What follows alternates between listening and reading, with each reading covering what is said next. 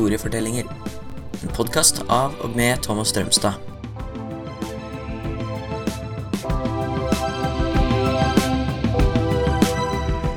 Middelalderen i store trekk, episode 22.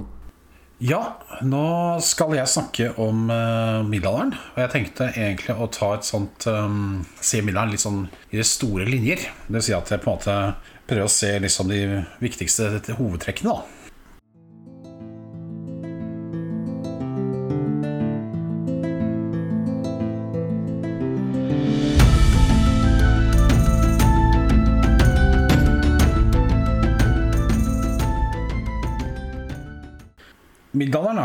periode som uh, strekker seg fra 500 til uh, 1500 ca.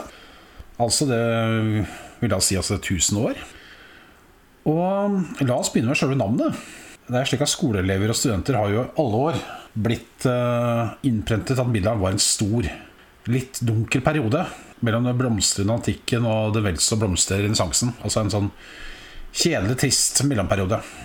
Der antikken og renessansen på en måte da var um, full av menneskelig utfoldelse, skapertrang uh, og vektleggelse av menneskets egenverdi, så var jo på en måte middelalderen tiden da mennesket befant seg i en mørke, hvor Gud styrte både sinn og sjel.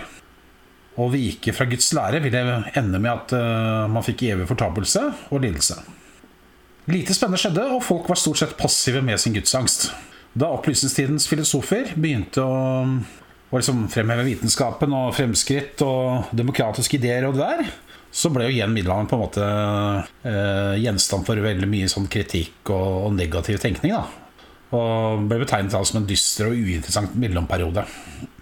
Men da i nyere tid så har jo kan vi si at middelalderen har blitt mye mer nyansert. Heldigvis. Og i dag er det en utbredt holdning om at middelalderen det var en uh, mye mer sammensatt periode hvor fremskritt og grunnlag for den moderne verden vi liker å tenke at vi lever i dag, ble lagt. Sant nok så var det mye gudsangst og blod og svette og pest og elendighet. Men uh, sannelig så var det også i denne perioden at kongenes makt ble begrenset. Uh, nye stater ble til, uh, og viktige lovverk ble etablert.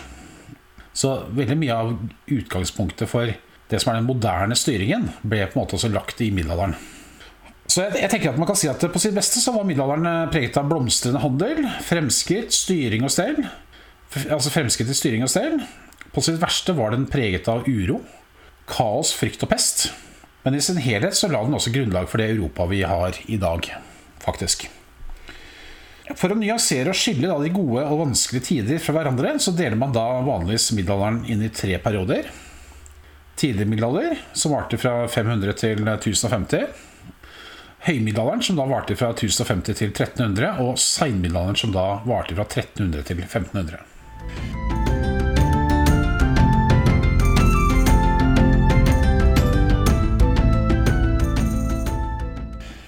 Tidlig middelalder avløste jo den storslagne romerske eh, perioden, kan vi si. Eh, romerske imperium. Etter hvert som Romerriket ble mer og mer svekket utover på 300- og 400-tallet, så var det jo slik at det var forskjellige, mange forskjellige stammer rundt omkring i Europa som da beveget seg mot grensene til Romerriket og begynte å, å, presse på. Og det var jo da bare et spørsmål om tid når det gang så mektige imperiet ville falle. Tiden fra 400 til 600 det kaller vi da for folkevandringstiden. Og det var jo ikke minst da disse barske hunderne som kom fra, fra Sentral-Asia, som eh, red inn i Europa, kom østfra og mot vestover som eh, da mm, drev altså folkegrupper i øst. Eh, altså fordrev dem, da, slik at de måtte flytte seg vestover. Og du kan si at det, var jo også Grunnen til at folkevandring eh, At vi fikk folkevandring, var jo, flere, hadde flere årsaker. Det var jo både overbefolkning, klimaendringer, hungersnød, pestsykdommer, kriger og konflikter var jo da med på å drive folk fra sted til sted. Det var en veldig kaotisk tid, da på en måte liksom, forskjellige folkegrupper da, dro fra forskjellige steder i Europa. Og akkurat som vi, i vår egen tid, da, både med syrere og ukrainere osv., har sett folk flykte pga. nød og krig, så var det jo det samme da, som skjedde i tiden etter Romerrikets fall. Romerriket, som jo med sin, altså, sin veldig sterke maktstruktur hadde jo sørget for ro og stabilitet i Europa. Nå hadde man da en situasjon med svake stater og kaos, nød og frykt. Og i denne situasjonen var det en organisasjon som um, skulle da bli en viktig og etter hvert mektig maktfaktor, nemlig kirken. Og kirken den, den fremstår jo da som samlende, og ikke minst ble Guds ord en eh, stor trøst og inspirasjon til i en vanskelig og angstfylt hverdag. Allerede under den romerske keiseren Konstantin så hadde jo kristendommen da offisielt blitt en religion. Han fant ut at det var en uh, retning som flere og flere følte seg tiltrukket av. Og han tenkte at uh, også hvis han på en måte gjorde det til sin religion, så ville han også på en måte samle folket. Og Sånn sett kan man si at kristendommen på en måte var en slags Ja, den skapte en sammenheng da mellom antikken og middelalderen. Det var det som egentlig man snakker i historien ofte om brudd ved kontinuitet, og det er klart at uh, middelalderen var jo et brudd med Romerriket på mange måter. Men det var én faktor. Ja. Det var kristendommen som ble videreført da i, til eh, middelalderen. Uh, etter at Romerriket var historie, så var det jo tre riker da, som fremstod som de mektigste i tidlig middelalder. Da det Øst-Romerriket, eller Bysants.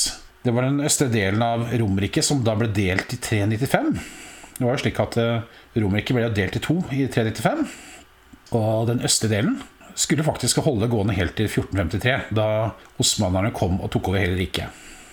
På slutten av tidlig middelalder så fremsto da eh, Øst-Romerriket, eller Bysants, da, eh, som mektig, både økonomisk og politisk. Og keiseren hadde jo da den øverste politiske og religiøse makten. Etter hvert så skulle det innen kirken oppstå strid om hva som var den rette lære, og hvem som skulle styre kirken. I vest så gikk det inn for at kirkens mann, nemlig paven, skulle styre kirken, mens da i øst var det keiseren som skulle være kirkens overhode.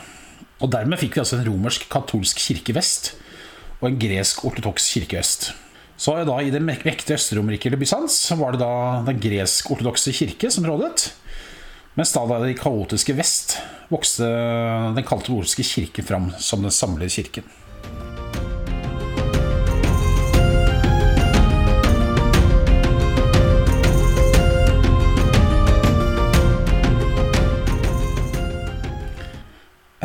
Et annet rike som da vokste fram eh, etter altså Romerrikets eh, fall, da, det var jo Frankrike.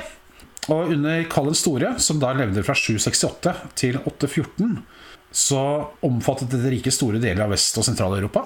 Altså både Frankrike og Tyskland og Nederland og osv. Og, og det var slik at i dette riket så uh, innførte, man, innførte man da en ny styringsform som ble kalt for føydalisme. Og føydalismen vokste da frem i Frankrike, Eh, men ble også senere da etablert i områder som England og Tyskland. Bakgrunnen var jo at eh, konger og keisere alene ikke var sterke nok til å forsvare sine områder, og dermed avhengig av å alliere seg med lokale krefter. Altså gjerne da større storebønder. da. De fikk da folk til å stille eh, til krigstjeneste ved å belønne dem da med landområder, såkalte len. Til gjengjeld så måtte disse love da kongen, keiseren, troskap og utføre militærtjeneste. Ut av dette så kan vi si at vi fikk da det, et partnerskap. De som ble tildelt områder direkte av eh, keiser eller konger, ble da kalt for kronvasaller. Og disse fikk da titler som hertuger, grever og baroner. Deres områder var jo så store at de da kunne splitte dem opp i mindre områder, som igjen ble styrt av såkalte undervasaller. Alle de som eide og arvet store jordeiendommer, skulle etter hvert da utgjøre en egen samfunnsgruppe som ble kalt for adel. Og de mindre bøndene det var jo da, uh, var jo da på en måte, de sto jo da under uh, ulike godseiere. De hadde jo da plikter som de måtte utføre overfor godseierne, som f.eks. å jobbe på godseiernes jord og betale for, jorda, for, for jorda de brukte til eget behov. Til gjengjeld så fikk de da full beskyttelse fra godseierne, og bøndenes avhengighetsforhold til godseierne kalles da livegenskap. Vi kan si at Føydalismen innebar at kongen eller keiseren da fikk kontroll på sitt land ved å alliere seg med da godseiere som igjen styrte i de forskjellige områdene av landet, mens de mindre bøndene ble styrt og passet på av godseierne. Ja, så um, går vi da inn i uh, høymiddelalder. Og navnet høymiddelalder det indikerer jo kan vi si, uh, noe positivt. Under den tid, altså fra ca. 1050 til 1300, så kom Europa tilbake til hektene igjen, og man opplevde stor fremgang på flere områder. Det var jo denne perioden at Europas folketall ble fordoblet fra ca. 30 millioner til 80 millioner. Og hvordan kunne dette skje? For det første så var bedre avling i jordbruket en viktig årsak. Og det er slik det alltid har vært. altså Bedre forhold i jorda eller i jordbruket gjør jo at det blir mer mennesker. I høymiddelalderen så ble det mer handel, flere byer vokste fram, og man fikk flere stabile stater. Kirken som institusjon økte også sin makt, noe alle de flotte katedralene rundt omkring i Europa jo er et vitnesbyrd på. Um, også Høymiddelalderen var jo en tid da pave og kirke nådde enorm makt og visste å vise det. Altså Det var viktig for dem å vise fram statusen sin. Samtidig så var det slik at det var et stort rike som vokste fram. Altså Det var det tysk-romerske riket frem, eh, etter at Frankrike ble splittet opp i to deler. Altså Kort fortalt så ble jo da Karl den stores eh, Frankrike, eh, som vi hørte om i stad, delt opp i to i 843.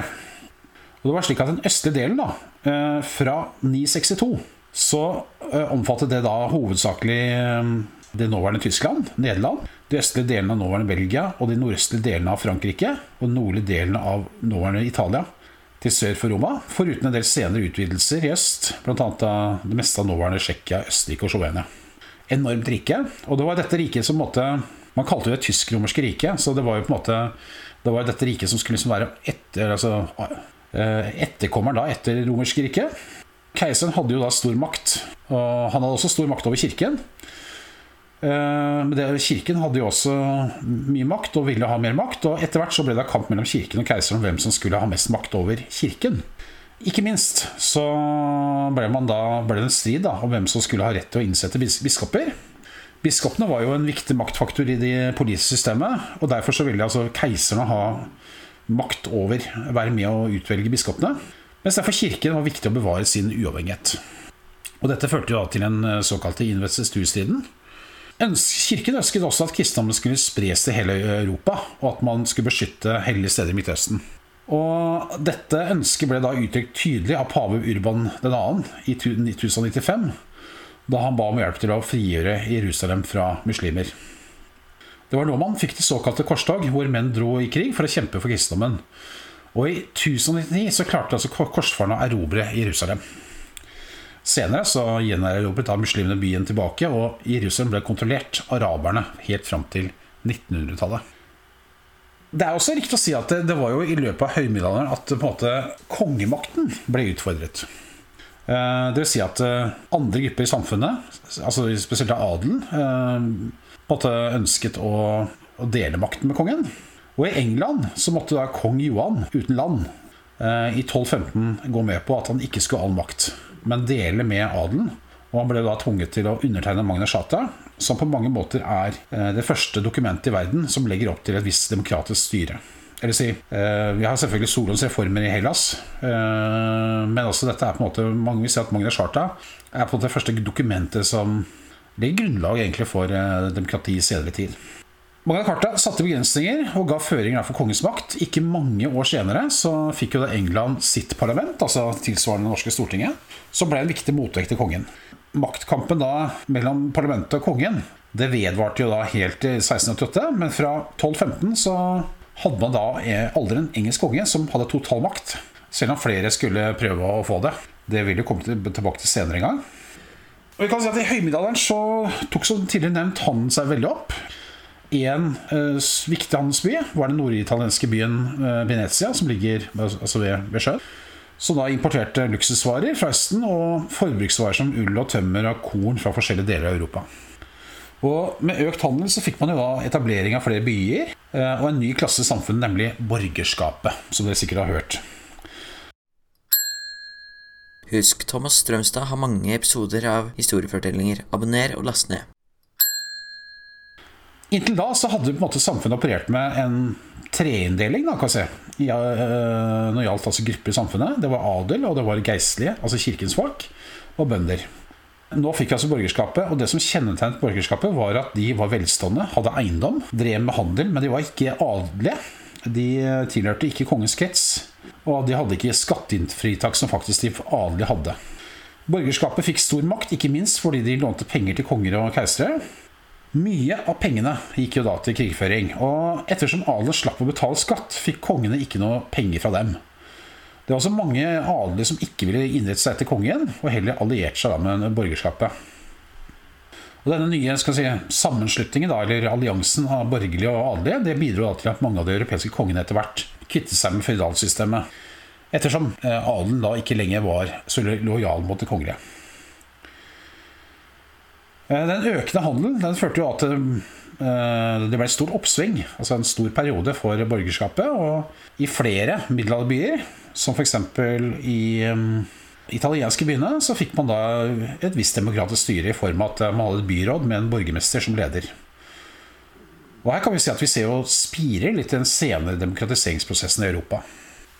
Det var også i høymiddelalderen at interessen for verdslig kunnskap økte, og i flere byer ble det opprettet universiteter, som eksisterer en dag i dag. Som f.eks. Bologna og Oxford.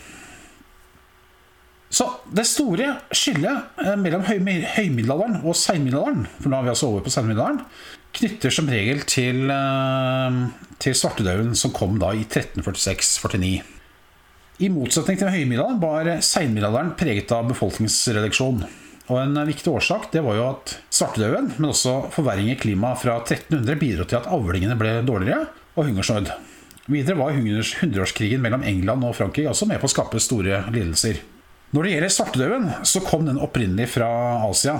Og ca. en tredjedel av Europas befolkning døde, og særlig av byene ble rammet. Svartedaudens konsekvenser var store og omfattende, og det førte jo til at eh, altså ikke, sant, ikke minst så var det jo mange mennesker pga. den store nød og elendigheten eh, søkte jo da trøst og beskyttelse i kirken. Og mange betalte jo penger til kirken for å måtte få um, sikret altså at de eh, skulle få en eh, holdt på å si plass i himmelen. Og det førte jo til at eh, det ble finansiert av mange store kirker. For bøndene så førte faktisk svartedauden eh, til bedre kår. Eh, fordi at det var jo slik at det var jo nå var det jo færre som måtte konkurrere med arbeid og jord. Altså De som var igjen, fikk jo da bedre arbeidsbetingelser. Masse jord var jo plutselig blitt ledig, slik at man kunne skaffe seg bedre jord. Og Det blitt sagt at eh, på en måte svartedauden var på en måte en eh, tragedien som på en måte faktisk uh, gjorde samfunnet bedre for mange. Um, på grunn av dette her, altså, mista jo mange av de adelige De mistet mye som makt, og det samme gjaldt kirken. Altså, eh, de hadde jo mista ressurser, de mista folk. Og, um, så det førte faktisk til etter hvert at det skulle også styrke på en måte kongemakten. I 1453 så ble altså da, eller Bysants, ble da angrepet av osmanerne med slaget ved Konstantinopel.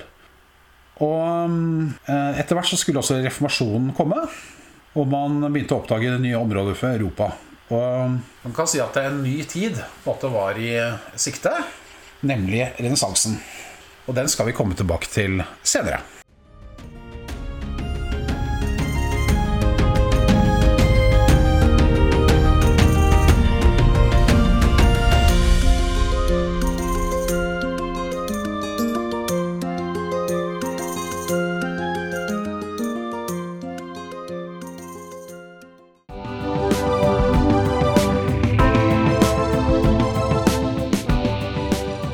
Historiefortellinger fortalt av Thomas Strømstad. Stein Suland har redigert podkasten, og voiceover er jeg, Rikard Surland.